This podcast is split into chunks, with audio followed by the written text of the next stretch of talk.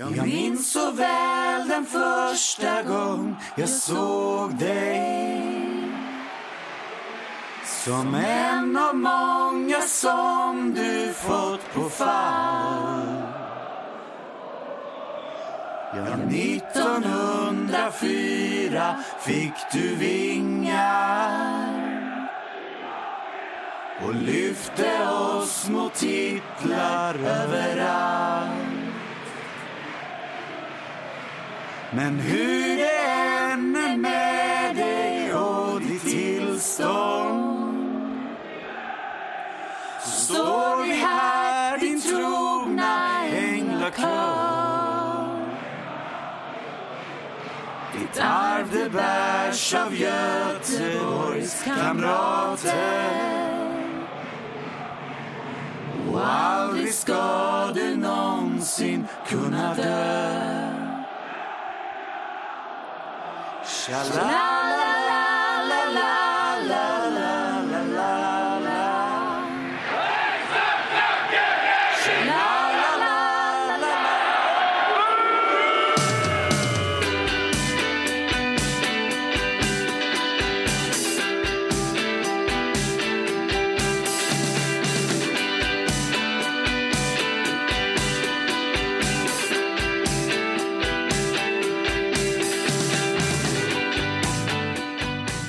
Du, det finns en sån fin, eh, ett så fint stycke här som, som eh, jag skulle vilja läsa innan vi, innan vi börjar och, och presenterar avsnittet och så.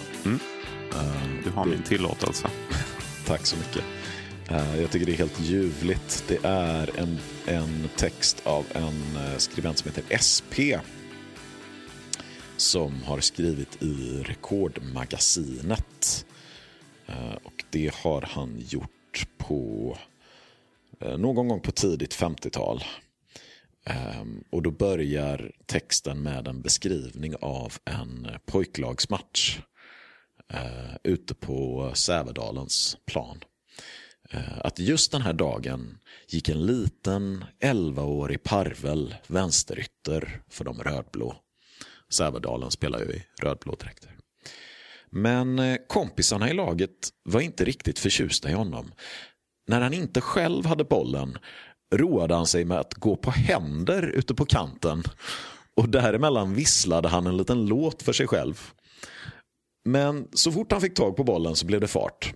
Och de stora pojkarna på 14-15 år hade all möda i världen att stoppa honom. Till slut blev han oftast av med bollen, för han var så kär i den att han inte frivilligt gav den ifrån sig. Det här är, tror jag, det första vittnesmålet i skrift vi har om Bertil Bebben Johansson som spelar fotboll. Hur han, 11 år gammal, vandrar där ute på kanten, går på händer, visslar en låt och dribblar så mycket att kompisarna blir sura på honom. Men att det ändå är så att de är fyra, fem år äldre och de kan Ja. inte ta bollen från honom. Vi- Visst, visst är det fint? Ja, det, det på något sätt definierar Bebben re, redan som 11-åring. So, sorglösheten, Ja. sorg, det sorglösa är kanske det första adjektiv man tänker på om man ska beskriva Bebben. Ja, det återkommer ju ständigt i alla texter man läser om honom. Och att, och att det fanns där, liksom, att det var fullt format redan på den tiden. Man hade, inte, alltså, man hade ju inte blivit förvånad om det hade funnits en historia om Bebben som seniorspelare som var att han gick på händer Ja. ute på sin kant. Eller, eller att han, och, och jag kan verkligen tänka mig att han, att han mellan varven sådär, att han liksom gick och, och visslade. Eh, det finns ett annat stycke i, i eh, den här texten där de pratar om Be- att Bebbens dribblingsförmåga, eh, att, att, liksom, att hans sätt att dribbla är så annorlunda.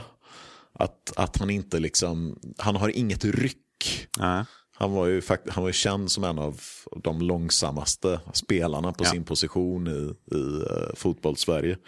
Utan istället så vrickar han sig fram. Det står kliver lugnt och sansat över utsträckta ben Mm. med bollen som klistrad vid foten. En sorts promenadspelare. en, en ögonblicksbild som, eh, som vi kan bära med Mm. oss. Eh, när vi nu ska prata om, om Bebben. Men vi ska väl försöka att göra ett, ett lite annorlunda Bebben-avsnitt, tänker vi. Ja, det är väl inte så stor vits i att prata om alla de historier om Bebben som många har hört och, och som man kan läsa sig till överallt om Det- Bebben. Det spelar ingen roll vart bollen ligger, sa Bebben när det var frispark istället för straff. Precis. Och så la han in den i krysset. Behöver inte plocka ner bollen, den, den landar ju till slut ändå. Ja. Den har jag i och för sig alltid gillat. Så jag är glad, jag är glad att vi fick in Ja. Mest för det. Ta ner bollen Bebben. Kom la ner ändå. Ja, ehm. Men ja, nej, som sagt var. eh, ni, ni kommer att få höra mer om människan Bertil Bebben Johansson i, eh, i ett eh, kommande avsnitt. Men i det här avsnittet ska vi kanske prata mer om den fotbollsvärld som Bebben kom in i. Och varför han blev den han blev när han blev det. Ja. Ehm, lite längre fram så kommer vi prata om, om Bebben som den första moderna Blåvitt-spelaren. Eh, och det finns lite skäl till det. Ja. eh, som vi kommer att gå in på. Men, men först och främst behöver vi nog, vi behöver nog börja i, inte kanske i 11-åringen Bebben, men om vi spolar fram en 7-8 år så är han ju hela fotbolls-Göteborgs absolut mest intressanta talang. Eh, och det är ingen självklarhet att det är just Blåvitt han ska hamna i. Vad är det du säger? ja, nej, det, det, det är självskrivet idag. Ja. Men, men där och då är det inte det. Därför att det är IFK Göteborg som, som eh, Bebben till slut skriver på för. Det är, ja vad, vad är det för lag egentligen? Det är ju inte 10 och 20-talets och kanske 30-talets storlag längre.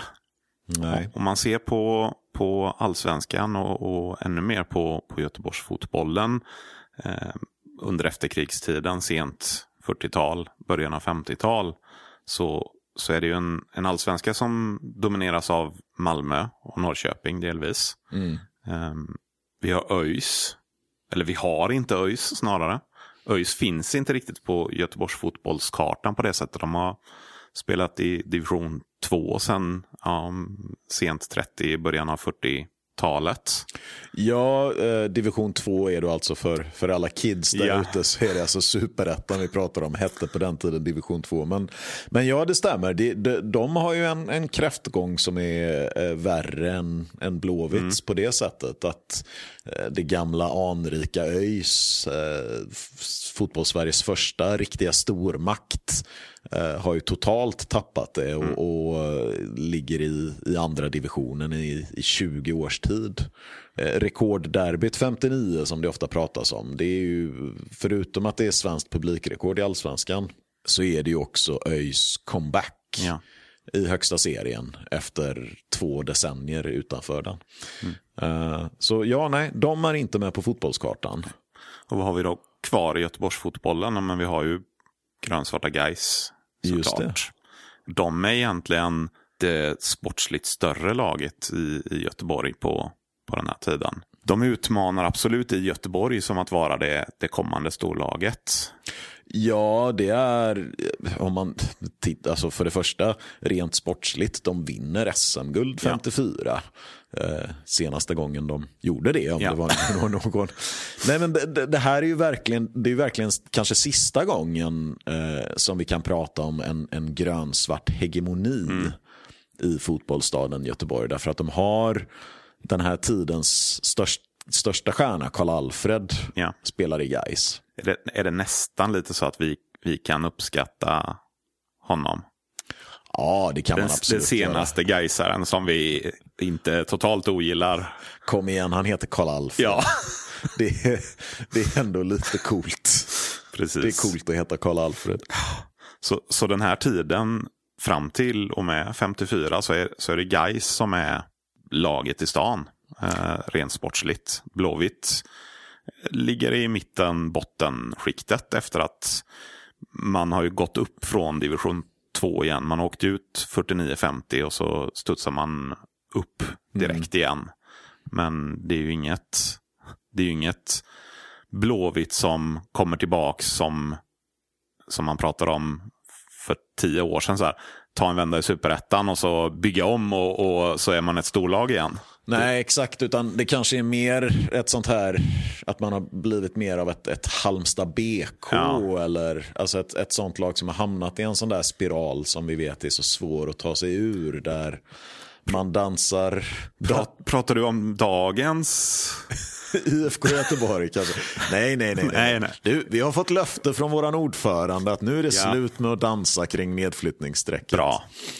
Men, men ja, det, det, det, är väl onekligen så att, att när man tittar på, på IFK Göteborg på 50-talet så, så kan man inte undgå att dra vissa paralleller Nej. till IFK Göteborg på det sena 10-talet och tidiga 20-talet. Det är liksom samma typ av... Eh, och, och, och, det är lite också det här med liksom åldrande spelare. och... Ja, för, för det, det är ju inte så att Blåvitt har ett, ett lag på pappret. Man har, har rätt oh, många stor, stora namn på, på papper. När Blåvitt spelar en träningsmatch mot, mot Sävedalen våren 54. Mm. Bebben gör ett mål för Sävedalen. De är ett division 3-lag, alltså tredje divisionen på den här Gör han inte tiden. till och med två? Alltså, det, ja, det är väl, möjligt han gör två kanske. Det, det är ju en, en väldigt uppmärksammad insats. Ja. Han, han dribblar bland annat, han gör något solomål vet jag. Han dribblar av två Blåvitt-spelare två gånger om. Japp precis. Och, yeah. och de här Blåvitt-backarna, de är inga,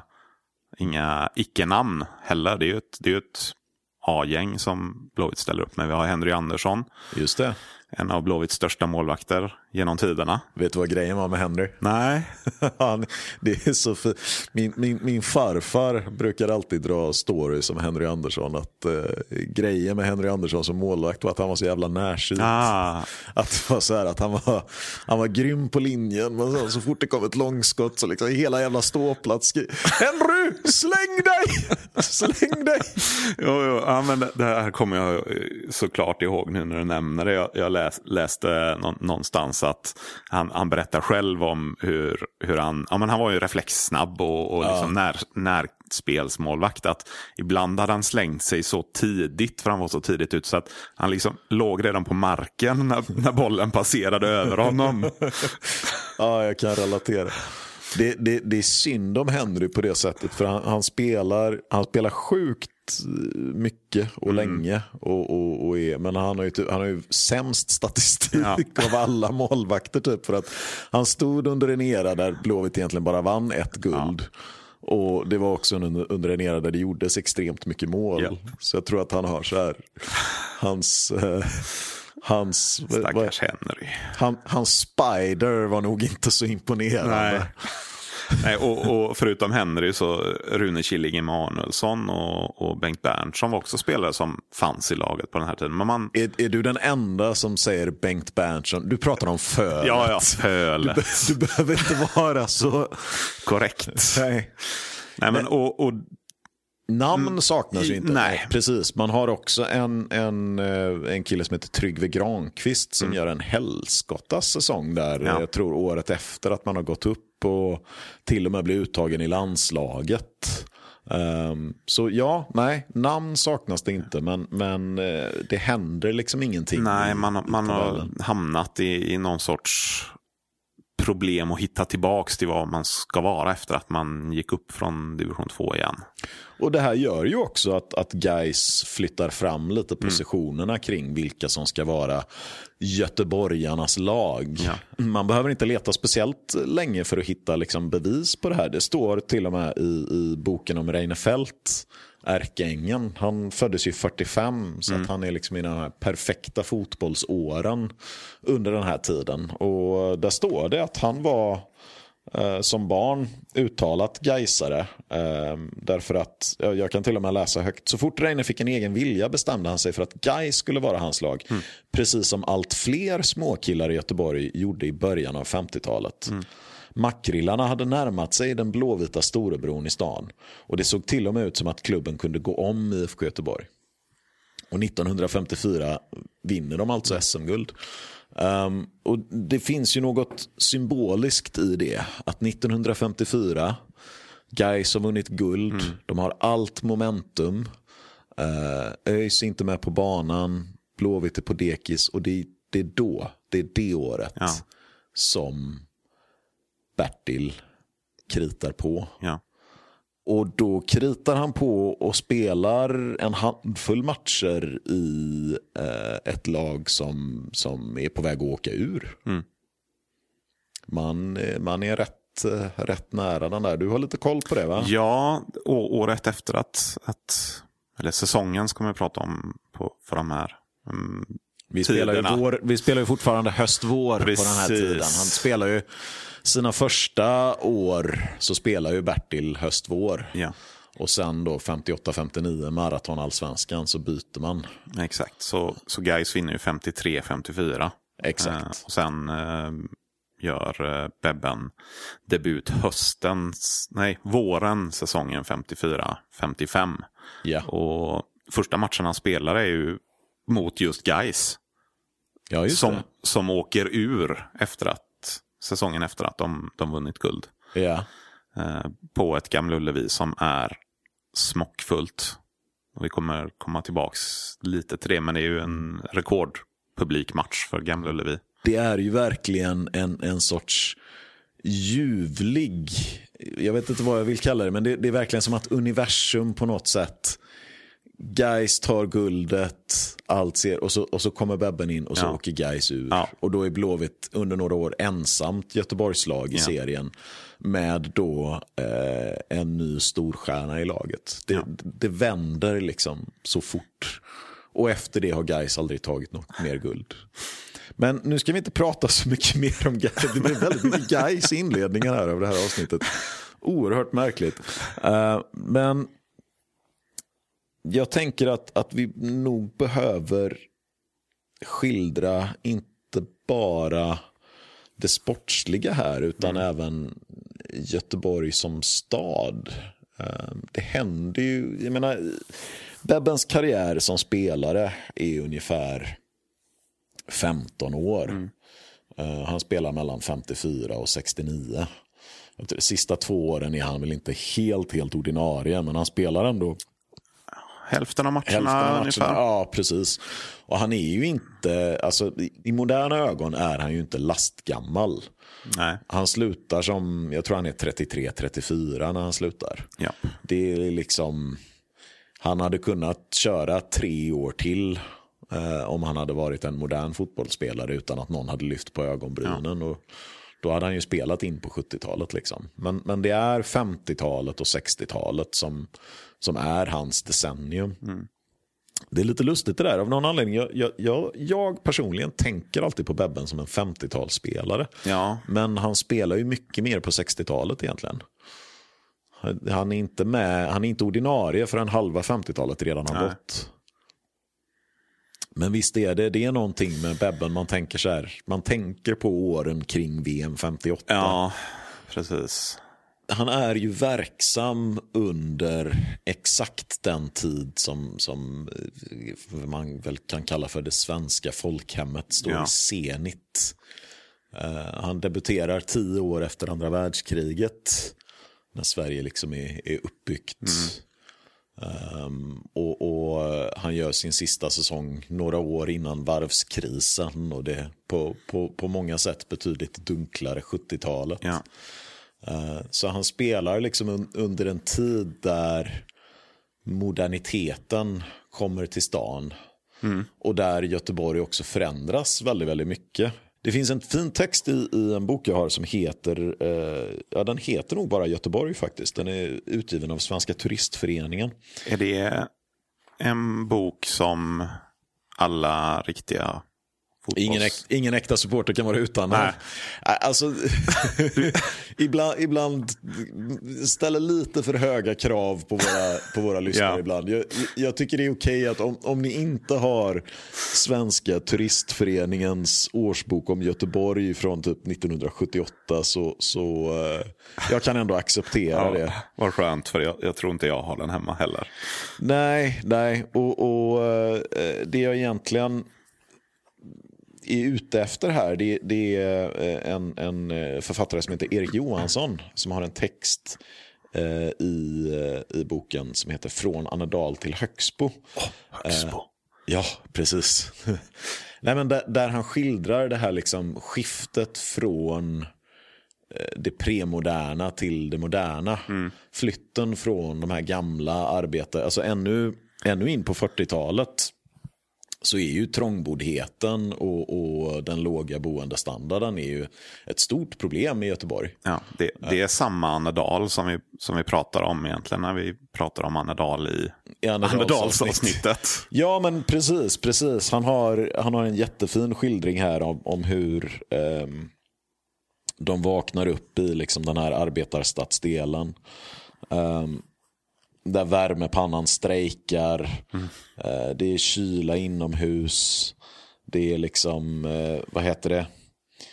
Eh, man är tvungen att gå ner på, på gården för att gå på dass.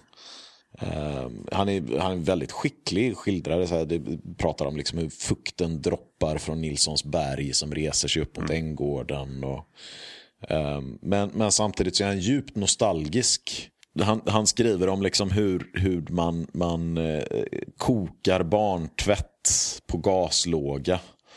Eh, och, och eh, att det blir vattenbrist i huset när nedervåningen duschar. Då kan man inte duscha på övervåningen. Och då räknas, då bor han ändå liksom i, i eh, en, en etta på Västergatan som räknas som halvmodern. Ja. Um, men, men sen sker då flytten en marsdag 1961 till Riksbyggen i Högsbo. Eh, till det nya, till det fina med kylskåpet och elektrisk spis och hela automatiska tvättmaskiner. Och, eh, det stora snabbköpet Ja. istället, istället då för den lilla speceributiken som han är van vid från Annedal. Liksom, så är det, ehm, och, och, och han skriver också att eh, här i det nybyggda området mötte barnen ännu ingen meningsfull gemenskap. Allt var sönderslitet och uppgrävt. Och sådär att man, man pratar inte med varandra i trappuppgången och bla bla bla. Så det, det är en, en, eh, en väldigt nostalgisk och sentimental text. Om hur, det, var, det andas väldigt mycket, det var bättre förr. Ja. Men det är också en fin ögonblicksbild av det här stora skiftet som sker. Från eh, innerstadens, ja men som du säger, ett, ett Annedal där, där John Sävström och, och eh, Nils Andersson och, och de andra gänget Ja.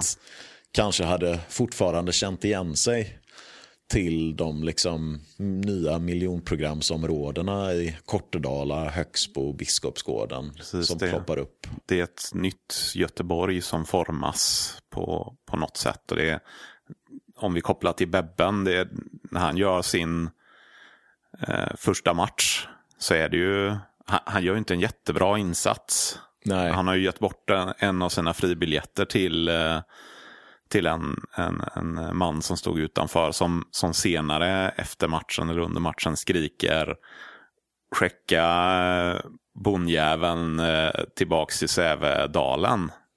Som i, i, i Sävedalen, liksom landsbygd, tänker man idag. Men Det var det ju då. Det var det då. Ja. Innan jag lämnar Erik Johansson och hans, eh, hans resa mellan Annedal och Högsbo så måste jag säga att eh, han, han har en fin skildring av ehm, i Annedal finns det ju inget kylskåp. Utan man, eh, alla familjer har eh, sina grejer i källargången, i Svalan. Så på söndagarna så står allas eh, söndagsmat på parad nere i Svalan. Als kaloppsgryta, Holms kokta kalv med dillsås, vår kastrull med köttbullar. Och så ungkaren Ek. Han har en falukorv och ett dussin pilsnerflaskor.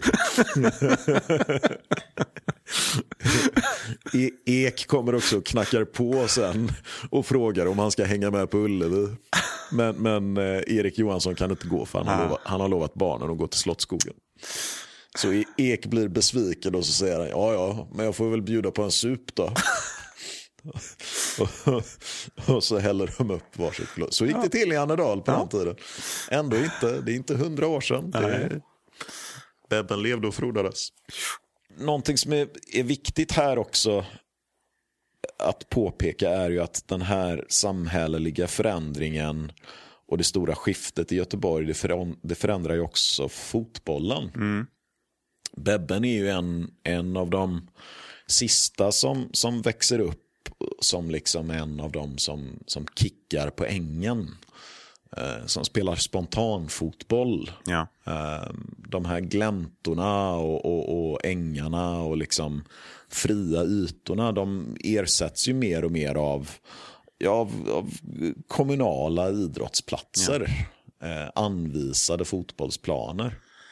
Precis, och hela, hela ungdomsfotbollen blir så mycket mer Organiserad. IFK har förvisso redan under eh, CVs tid liksom startat ungdomslag, men då, då pratar man mer om eh, vad vi skulle kalla juniorlag, eh, alltså 16, 17, 15, 16, 17-åringar i Ja. ungdomslag. Men, men det finns en, eh, en notis i Idrottsbladet från 56 som, som berättar om att IFK då eh, det här året, och det här är ju två år efter att Bebben eh, kommit till Blåvitt, eh, sk- ska bilda pojklag i åldrarna 11 till 13 år. Och man får in 400 smågrabbar som kommer till exercishuset. Eh, Ja. Och man startar upp 35 lag i den åldersgruppen. Ja. Det, det vittnar ju om den här, det skiftet mellan hur många ungdomar som ja, men de har aldrig spelat organiserat.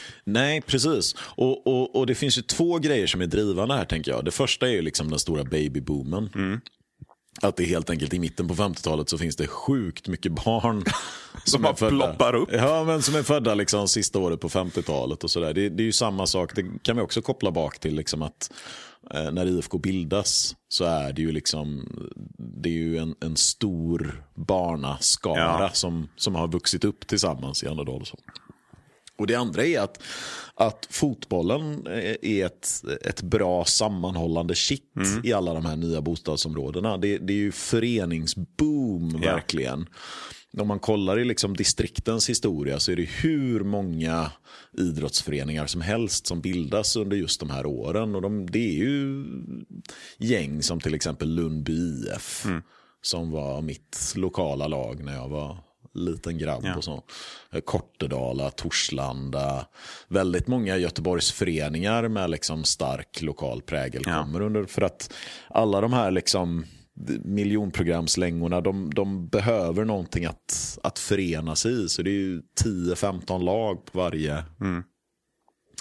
Ehm, och, och, och det gör ju också att eftersom Bebben tillhör generationen innan det så blir han, får han också ett litet skimmer av sig från en annan tid. Ja. En liksom, ja, men det här bohemiska, det, det geniala, eh, det...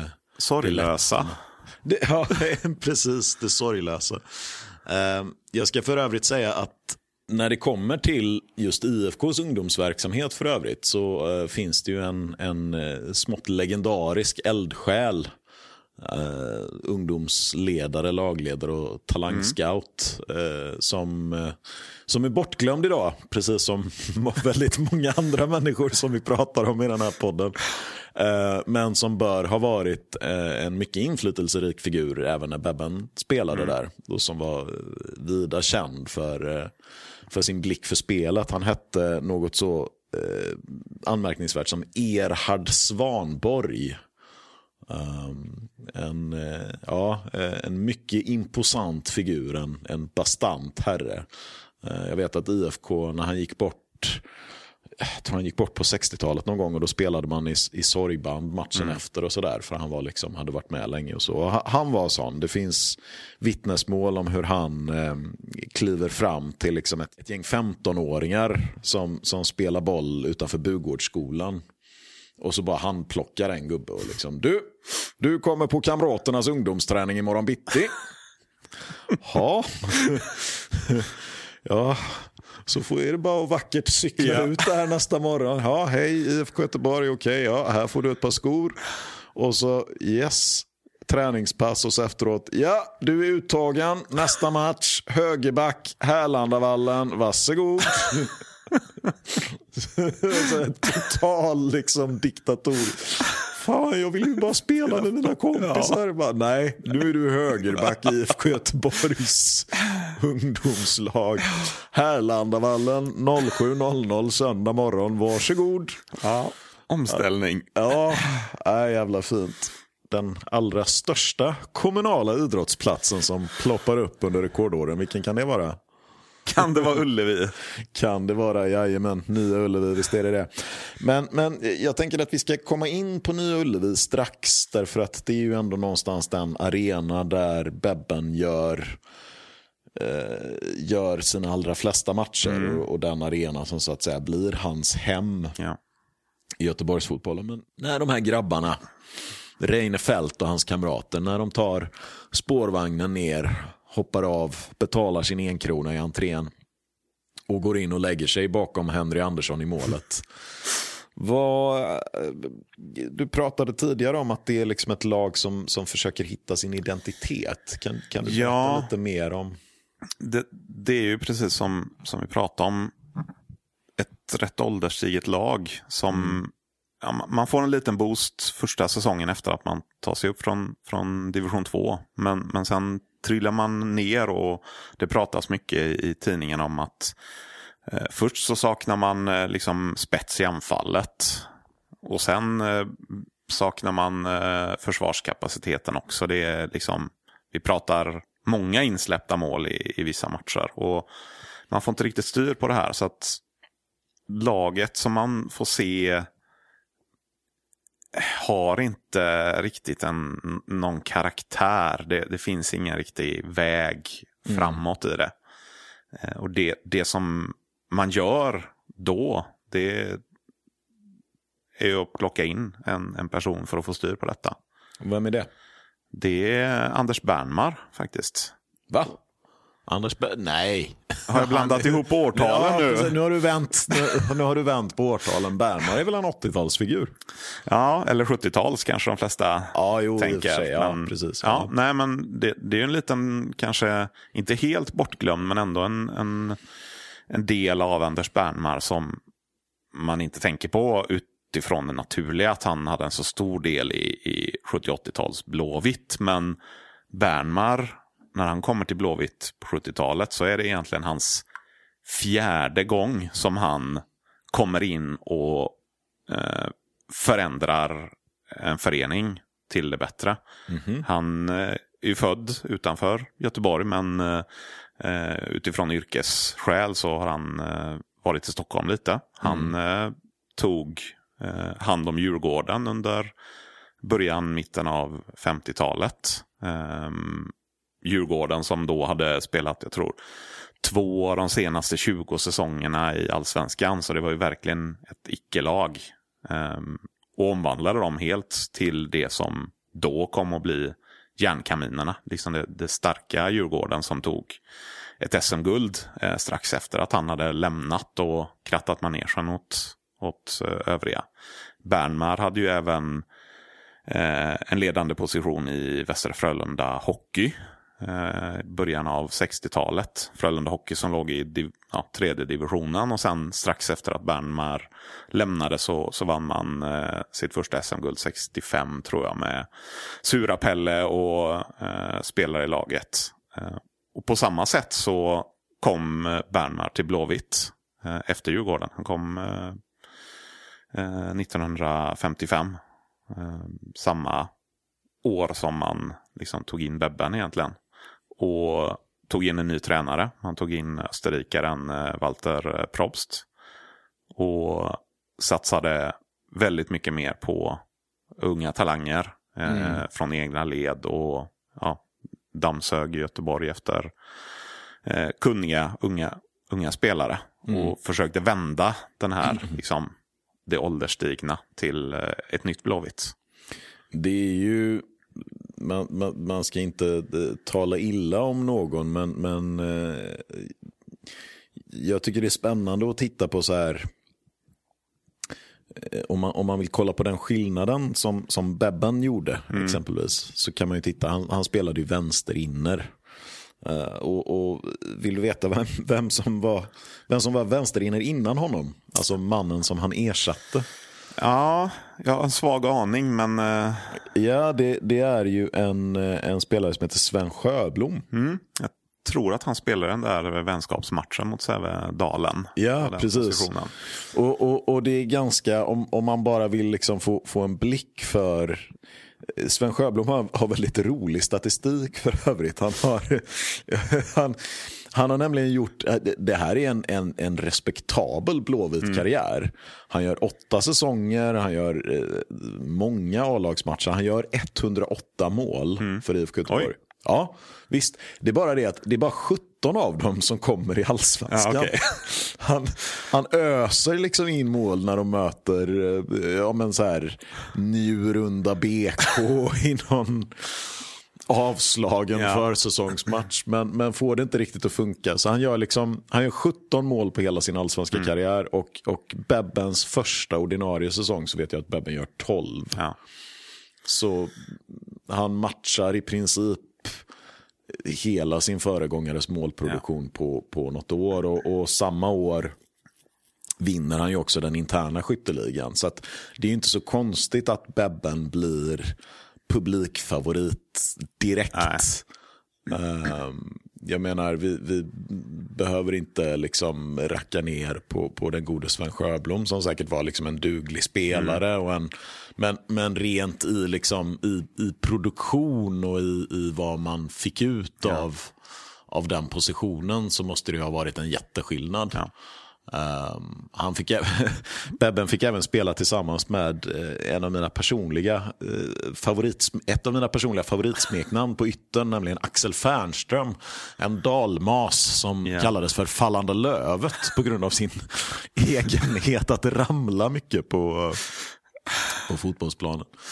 Um, det är ju för övrigt en, en, en parentes i sammanhanget, men, men ändå värd att påpeka, mm. är ju att Bebben var ju verksam i uh, en lite annan typ av fotboll.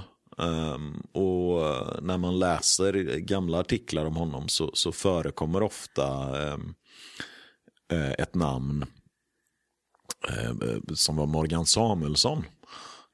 som var vänsterytter i Sävedalen och spelade tillsammans. Bebben spelade ju rätt länge i Sävedalen. Han blev kvar där för han trivdes så bra. Ja det är ju li, lite udda ur det perspektivet ja. för oss idag att en, en, spelare spelar i division 3 tills han är 20 och sen går man in mm. i, i allsvenskan som färdig produkt. Ja, och, och vinner skytteligan ja. Nej, men och då, um, då nämns ofta den här killen Morgan som, som lite av en ment, att de hade liksom ett bra samarbete på planen och att han ofta liksom så var framme och, och pratade med Webben om hur han skulle ligga och mm. vart bollen skulle komma och så. Um, det där är för övrigt lite, jag, jag återkommer ju väldigt ofta till en bok som heter Göteborg, folket och stan. Som är skriven av Lars Ulvenstam som jag vet att jag har citerat i podden tidigare.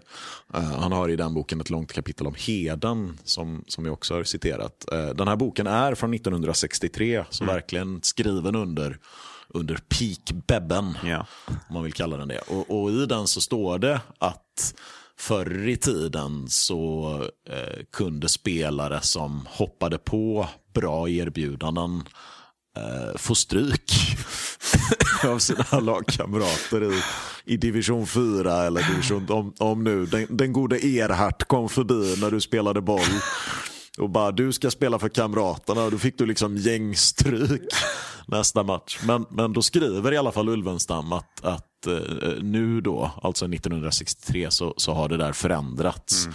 Eh, och nu är det en, en mycket bättre attityd. Nu tycker man att liksom, det är klart att du... Att, Good for you. Ja, men precis. Att nu är det good for you. Men, men att förra om åren var det betydligt mer Ja. hårdnackat. Liksom. Att du, du, du ska så fan heller lämna oss i sticket. Bebben tackar väl nej två gånger tror jag till Blåvitt och eventuellt någon gång till Gais innan han tredje gången. Han var, han var rädd för att få spö Ja. helt enkelt, stackaren. Han, han har också en väldigt fin, eh, Ulvenstam har en eh, väldigt, väldigt fin skildring av det här. Hur liksom en lagledare som, som räknar in alla och så inser att bäste killen saknas. Och mer och mer mod, alltså mer och mer desperat så här försöker och till slut tvingas bara acceptera att nej, fan också, han har blivit upptäckt. Och så slutar det med att han får kränga av sig kavajen och hoppa in själv Ah. och spela. Men tillbaka till Anders Bernmar och Walter Probst. Ja. Mm. Probst styr upp taktiken. Yes. Bernmar dammsuger Göteborg på begåvade ynglingar. Mm. Styr upp organisationen och riktningen för föreningen. Och hur snabbt får det här resultat då? Det är som vanligt när Bernmar de här tre första gångerna, han, han lämnar innan det ger resultat egentligen. Okej. Han eh, lämnar eh, 57. Ja. Ehm, men därefter så, så ser man ju resultaten. Vi har eh, maratonallsvenskan, kanske har hört talas om. ja, jo, jag har ju till och med nämnt den i, i avsnittet här. Bra. Det, det är alltså inte en eh, maratontävling i allsvensk format. Det är när man vänder från att spela höst, vår till att gå över till det spelsäsong eh, som vi har i år, alltså, eller nu för tiden. Och spela helår, så man spelar ju höst, vår, höst. Eh, hösten 57 och sen hela 58. Mm. Där eh, Blåvitt går och vinner SM-guld. Första gången sen eh, 41, 42. Ja, 42 är det va? 41, 42. Usch, men... fick hjärtklappning av hur, eh, om jag har fått eh, tappat minnet här. Men eh, Ja, jag, jag håller mig till att det är 41, 42. Jo, men det är det ju. Och, och 58-59, det, är ju- det är ju klassiska scener när eh, Bebben rullar in straffen på IFK Malmö. Ja, IFK Malmös målvakt blir så bortlurad så han tappar kepsen. precis. Ehm, men det är alltså ett, ett att, att man når hela vägen där 58-59, det är ett arbete som egentligen är påbörjat flera år tidigare med, eh, med riktningsförändringen Ja. som kommer in med, med Probst och Bernmar. Exakt. Eh, och sen eh, året efter 59 då är det ju ÖIS tillbaka i allsvenskan. Eh, Yes. Vi har Nya Ullevi som ny arena. Ehm, vi har rekordpubliken. Och det, det spelar också hela den här perioden egentligen med, med rekordpublik. Bebbens första match, det, det är inför rekordpublik på Gamla Ullevi, 31 897 åskådare tror jag. Ja, Eh, Blåvitt snittar i princip samt hela 50-talet över 15 000 åskådare på, på hemmaplan. Inte ovanligt med 25 000 på Gamla Ullevi. Och det får ju någon sorts kulmen när man går till Nya Ullevi. ja, Som du, som, som du säger blir Bebbens hemmaplan precis. Eh, det är väl där han egentligen gör några av sina mest kända insatser. Jag vet att Stefan Thulin då brukar prata om något, något ÖIS derby där det hade gått knackigt i tabellen hela året och så möter de ÖIS på Nya Ullevi och ligger under i halvlek eller vad det nu är. Och sen i andra halvlek så kommer de ut och ÖIS har en av allsvenskans snabbaste på Bebbens kant. Mm. Så för att Bebben ska komma runt honom är han tvungen att göra bort honom inte bara en gång utan han kommer ju tillbaka hela tiden men ett jäkeln. Så han, han är tvungen att göra honom så många gånger så till slut så det slutar med 5-1 och jag tror Bebben gör fyra mål eller något sånt. Det är en sån där match som Stefan Thulin återkommer till. Och den, den spelas alltså på Nya Ullevi. Och, och Nya Ullevi är väl värd då att, att lyftas fram lite. Eh, bland annat för att, som vi var inne på tidigare, det är en, en fin symbol för, eh, för förnyelsen av Göteborg som sker under de här åren som, som Bebben är verksam. Men, men också för att det ger mig en chans att... Eh, du var inne på Anders Bernmar. Ja, Ja. en av de största organisatörerna i Blåvitt genom tiderna. Ja, men du. Ja. Ska vi prata Ja! Ja, ska vi prata om stora blåvita organisatörer Ja. och ledare eller? Ja, det tycker jag. Här, så, här har vi suttit och pratat om Erhard, eh, Svan, vad hette han? Erhard Svanborg va? Ja. Och, och, och vad heter det, och Reine Fält och, och Anders Bernmar och Walter Probst. Men det, det är dags för CV att göra entré. ja. Det tycker jag. I, I en biroll den här gången, men, men ändå. Eh, det, det, Nya Ullevi som arena tillkommer ju bland annat för att Sverige har, har fått fotbolls-VM. Ja. Eh, för övrigt så kan jag meddela att hela Nya Ullevi som fenomen är för övrigt eh, från början inte alls tänkt att, att, att bli en helt ny arena som skulle ligga så centralt. Utan eh, det allra första beslutet som handlar om, om en ny idrottsanläggning det kommer eh, på hösten 53. Eh, och då är tanken att man ska plocka ner gamla Ullevi helt och hållet och så flytta den till eh, Levgrens äng. Var ligger den någonstans? Det, ligger, det är ett gammalt gods som ligger in till Mölndalsån. Ja, typ. okej. Ehm, och där skulle man då uppföra eh, Mhm. Ullevi i ny tappning. Men ju närmare VM kom desto mer svällde projektet. Eh, Det var ju en tidsanda som, som jag eh, kan sammanfatta genom att läsa upp ett litet citat här eh, som kommer just ur eh, Lars Ulvenstams bok Göteborg, folket och stan. Det är eh, ett tal från eh, Ture Höglund som riktar sig till ehm, eh, de nyvalda ledamöterna i kommunstyrelsen januari 1963. Där säger han, ni har kommit med i en församling där samarbetsviljan är dominerande. En vilja som går ut på att tjäna staden först och främst. Denna anda är icke senare tiders påfund utan den grundlades i Göteborg för decennier tillbaka och kallas i dagligt tal för Göteborgsandan. och, och, och det är väldigt, eh, eh, eh det, det, det finns rätt roliga om man läser på om, om den här tiden, vi, vi, pratade lite förut om, liksom, om, om professionalisering och så vidare. En, en av de saker som händer på tidigt 50-tal det är att eh, man avlastar eh, kommunstyrelsens ordförande. Att, eh, att det blir en mer professionell organisation däromkring. Vilket ger större utrymme för representation. Ja. Det vill säga mer, fler middagar med näringslivet. Du, du menar Fler. samarbete? Exakt. och Nya Ullevi är ju väldigt mycket en sån produkt. Det är ju liksom ett, ett, grandiost projekt Ja. som man kan tänka, man får föreställa sig att det liksom föds i de här slutna rummen med eh, det är ju en, en, politiskt så är det en allians mellan, mellan eh, eh, Jörnes folkpartister och så sossarna då. Eh, högerpartisterna röstar faktiskt nej. Eh, förutom en. Stig Gunne hette han. Den enda moderaten som röstade Bror. för Nya Ullevi. Ja. Äkta bror. Han, han, han fick ett långt, långt liv. Han är eh, intervjuad i, i boken om, om eh, VM 58. Eh, 2005. Och då säger han att det var med tunga steg jag gick hem den kvällen. Eh, att ensam har brutit partilinjen och röstat, röstat Nej. för Nya Ullevi. Du, du är bror. Ja, tänk på det Stig-Gunne. Ja. Äkta bror. Ehm, men i alla fall. Det var ju inte, nu höll jag på att alldeles tappa bort CV i detta. Ja, det, var, var kommer han in någonstans? Ja, nej, CV har ju en liten biroll här. Det är ju nämligen så att eh, det, det finns ju en, en, en komisk bihistoria till att Sverige får VM 58. Det är ju så att efter krigsslutet, när VM så att säga ska eh, komma igång igen, då spelar man ju i Brasilien 1950. Ja. Eh, Och det är ett ganska självklart val. De, de skulle ju egentligen ha haft turneringen redan 1942. Ja.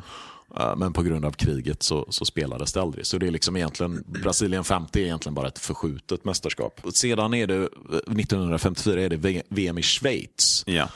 Um, och det har ju väldigt mycket att göra med att eh, Fifa fyller 50 år. Eh, och Fifa har huvudkontor i Schweiz.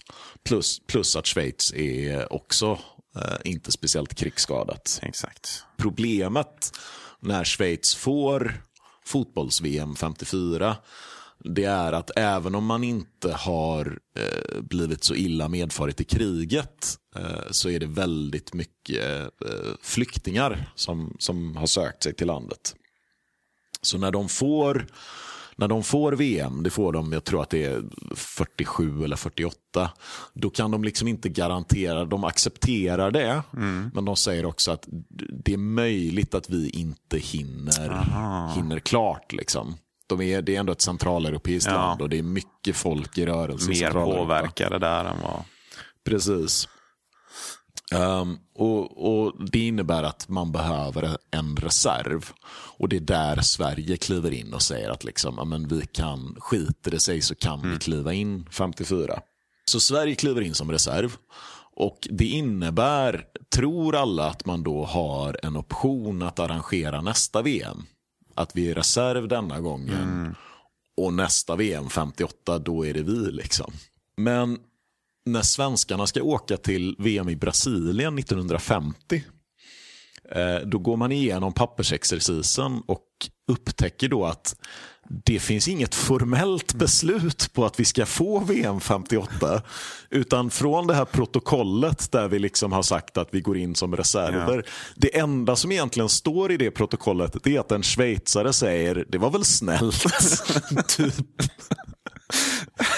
Så svenskarna har liksom gått runt i två år och tänkt att fan vad gött, vi får VM 58. Och sen så när de verkligen tittar på pappret så bara vänta, vänta, vänta, stopp, stopp, stopp. Så då måste de skicka någon till Brasilien för att träffa alla höjdarna ja. och liksom försöka, eh, för, för då kommer ju liksom alla, hela fotbollsvärlden vara på plats.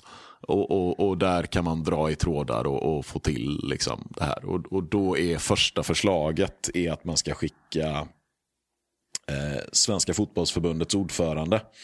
Eh, problemet är bara att han sitter i regeringen. Ah. Han kan inte vara i Brasilien en månad.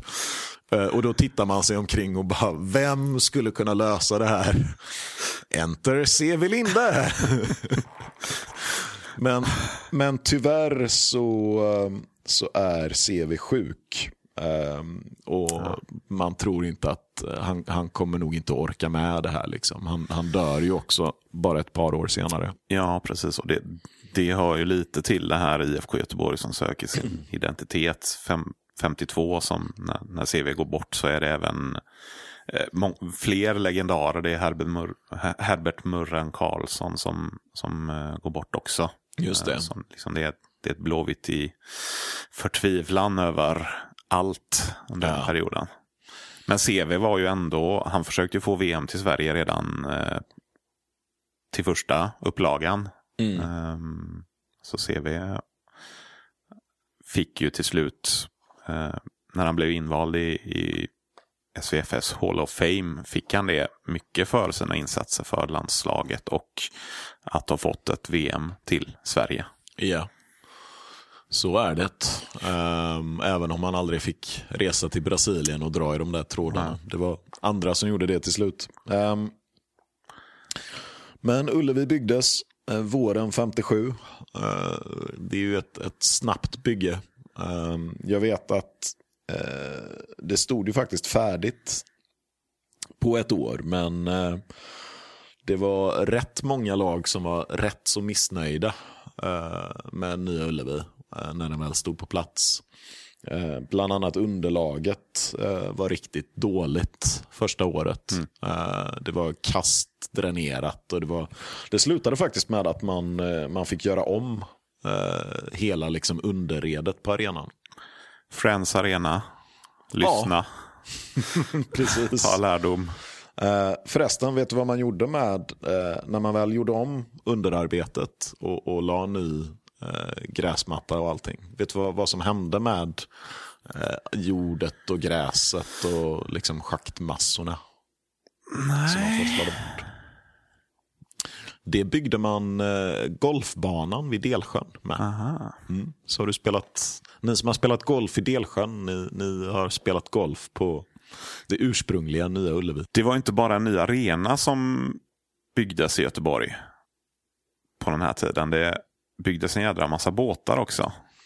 Ja, eh, det vore ju konstigt att göra ett Bebben-avsnitt och inte prata om varven. Mm. Det är... Något som i allra högsta grad präglar hur, hur vi ser på Bebben. Ja, oh ja, alltså det gör ju honom också till någon sorts portalfigur det här, alltså förkroppsligandet av det göteborgska. Mm. Vi har dels humorn och, och, som vi var inne på tidigare, sorglösheten. Uh, att, att inte ta, att ta saker med den berömda klacksparken, liksom, både fotbollen och, och, och livet i största allmänhet att gå visslande genom tillvaron ja. och ha en replik redo. Men, men sen också att vara en, en arbetare, att gå upp på morgonen och åka till. Och det finns ju kanske inte någon mer ikonisk Göteborgs arbetsplats än, än Varvet. Uh, jag har en, uh, ett, ett vittnesmål från en man som heter uh, Erki Persson som, som bör ha varit ungefär jämnårig med Bebben som berättar om sin allra, allra första dag som liksom alldeles nybliven, nyutexaminerad. Eh, där han kommer till 1952 mm. för första gången. Kommer in på varvet och får stå i kö hos eh, personalchefen Nislander på Götaverken. Även kallad Vingmuttern på grund av sina stora örons skull. Eh, en måndagsmorgon för att släppas in på varvet och skaffa mig min första praktik. Det var raka order och man förväntades förstå systemet utan att ställa frågor.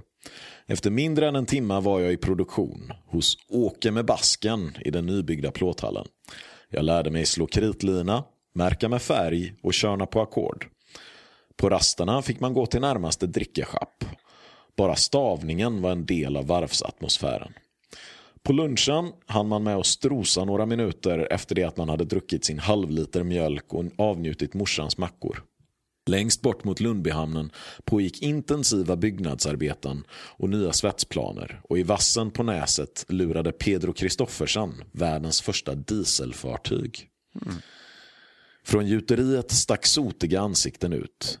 Förutom förmännen fick man snart klart för sig att det fanns andra viktiga gubbar, till exempel överingenjörerna några av dem gick fortfarande i kubb. Kubb är alltså en eh, rund, rund hatt. Ja, en riktig sån liksom. Von Pluring heter han va? I, ja, eller Dupont och Dupont i Tintin va? har väl kubb. Exakt. Gud, vi borde börja bära kubb. Och sedan då verkstadsklubbens ordförande Tjocke-Nisse som då och då kom släntrande ner mot varvet från Västra porten för att köta. Hela området var en myllrande stad. Vid portarna såldes rökt makrill, korv och diverse prylar, särskilt på avlöningsdagar.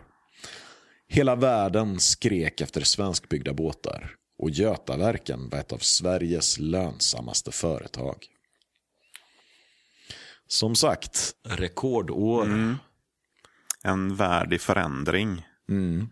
Det är ju så jädra mycket som händer i efterkrigstiden som, som liksom förändrar Sverige och fotbollen. Vi har pratat om mycket här men också just Bebben berättar på när han jobbar på varven att ja, men då, ibland fick ju folk tillfälle att åka med båtar över till New York och, och komma hem. Det var ingen emigrering utan ja, men affärsresa. Ja. Och, och Bebben när han växte upp och frågade sin pappa om han skulle välja järnslöjd eller engelska i skolan. Och, och Bebbens far svarar järnslöjd såklart. Till England kommer du ju aldrig. Det, det var en, en hel värld bort. Men sen under 50-talet och 60-talet så, så är vi en global värld på ett annat sätt. Med, vi har Europa eh, fotboll eh, ja. med vi har Europaproffs, svenska Europaproffs som blir omskrivna och som skriver hem. Ja, tv börjar sända, mm. radio kommer igång med, med sändningar. Vi har, Bebben är ju en av de första som åker på liksom världs, turnéer. Vi har ju pratat om i tidigare avsnitt om Sydostasienresor och, och Mellanösternresor och så vidare. Ja. Ja, man kan skämta om att, eh, i, Pelé, att i Brasilien kallas Pelé för den svarte bebben mm. och sådär. Jo, men, men, men, så är det ju verkligen. Vi, vi, vi har ju det, det, här att han är på något sätt, tro, trots att han för oss, få, få av oss som står på kommandobryggan har sett Bebben mm. spela. Men, men han är någonstans den första moderna Blåvitt-spelaren. Ja, det, det blir ju någon sorts, ja men vi, vi kan har suttit och pratat massa om, om Svarte Filip och Erik Börjesson och, och CV, men de är någonstans från en värld som som inte längre finns. Nej, som, som beskrivs i text och enstaka svartvita bilder. Ja, men Bebbens värld är i färg. Ja. Och det är inte så jäkla, jag menar om man tittar man på hans, hans karriär. Han kommer alltså upp i Blåvitt 54-55. Han spelar fram till, han gör ju sina sista matcher gör han ju året innan han är tränare. Mm. Det är 68, då spelar han ändå 10 matcher. Mm. Och, och, och, han är inte lastgammal när han lägger av. Vi, vi, pratar om, om en, en fotbollsspelare som är kanske 33-34 bast.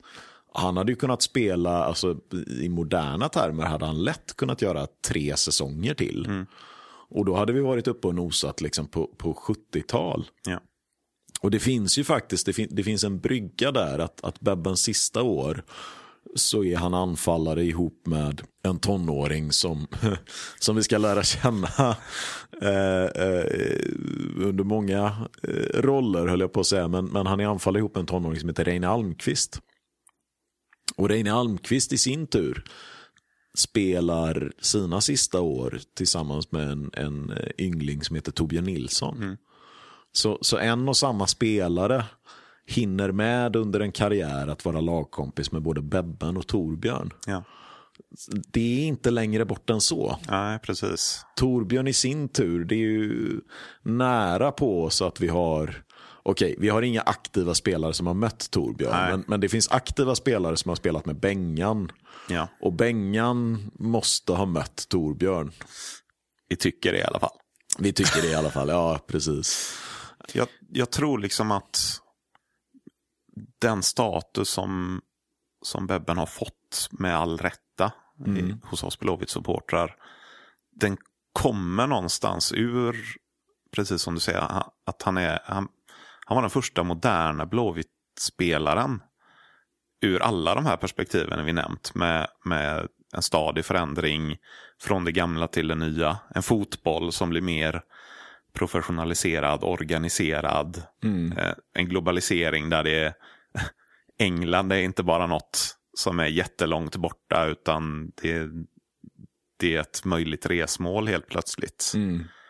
Att Bebben tillhör det moderna snarare än det förgångna som vi ser i, i svartvitt och textformen utan att kunna riktigt ta på det. Ja, och, och, och dessutom så, alltså förutom det här att han det, han kommer ju in som en sportslig frälsare, det har vi avhandlat. Liksom. I ett IFK Göteborg som, som letar efter en riktning som, mm. som är ute och liksom, så, så kommer han in och presterar från start egentligen och, och, och, blir snabbt en publikfavorit. Men han blir ju inte bara en publikfavorit utan han blir, han blir ju också en, en idol på ett sätt som eh, är mycket lättare att bli på 50 och 60-talet. Därför att det finns massmedia nu. Det finns ja Eh, eh, tv, radio som du säger och liksom färglagda media. Och, och, han, det är ju inte, absolut inte till hans nackdel att när han hörs och syns då har han den här liksom självmedvetna humorn mm. och, och uh, kvick i repliken och blir omskriven och omsvärmad. Och, och det skänker ju honom en aura uh, som, som få andra spelare. Ja. Nej, och, och, och ur de perspektiven så, så har vi också med oss mycket tydligare ja, men bilder och, och vad ska man säga, visuella media som, som speglar Bebben på ett annat sätt än tidigare spelare som ja, man har hört talas om dem men man kan inte visualisera dem på det sättet som vi idag eh, kan visualisera hur Bebben står vid en hörnflagga. För det finns en bild från match där han gör det. Ja, precis. Det finns liksom levande matchbildsekvenser mm. och, och, och, bland annat, och då får man ju de här ikonerna, ikonbilderna. Precis, och de, de kan vi ta med oss på ett helt annat sätt. Det är tatueringar, det finns tifo, vi tar med oss det när vi inviger en ny arena. Ja. Bebben är den första som kliver in på plan. Ja. 2009. Då kommer han vandrande över gräsmattan och, och planterar sin hörnflagga. Ja. Uh, och den där ikonografin hade inte varit möjlig i någon annan tidsera egentligen. Uh, så ja, Bertil Bebben Johansson, han, han var en, en gudabenådad fotbollsspelare men han var också rätt person på rätt plats mm. vid rätt tidpunkt. På något sätt så är det som att verkligen både staden, tiden och laget var i perfekt sits för ja. den här typen av figur. Uh, som blir en sorts... Vi har varit och famlat lite efter vem, vem Bebben är och vem Bebben betyder. Men, men på det här sättet så blir han ju någon sorts sammanhängande länk. Mm. Han är både eh, nya Gamla Ullevi 2009 och han är han är länken mellan, han är en spelare bort från Torbjörn. Ja. Samtidigt som han är en av de sista spontanfotbolls ängabollspelarna. Han, ja.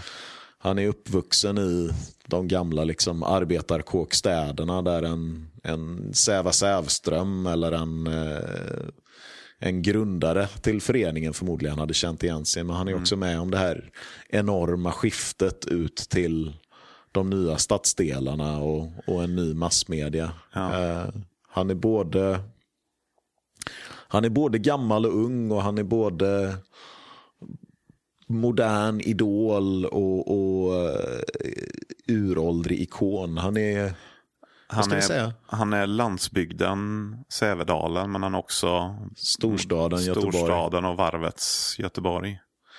Han är tidlös. Ja. Och sorglös. Och sorglös. Ja. Tack för allt Babben. Tack.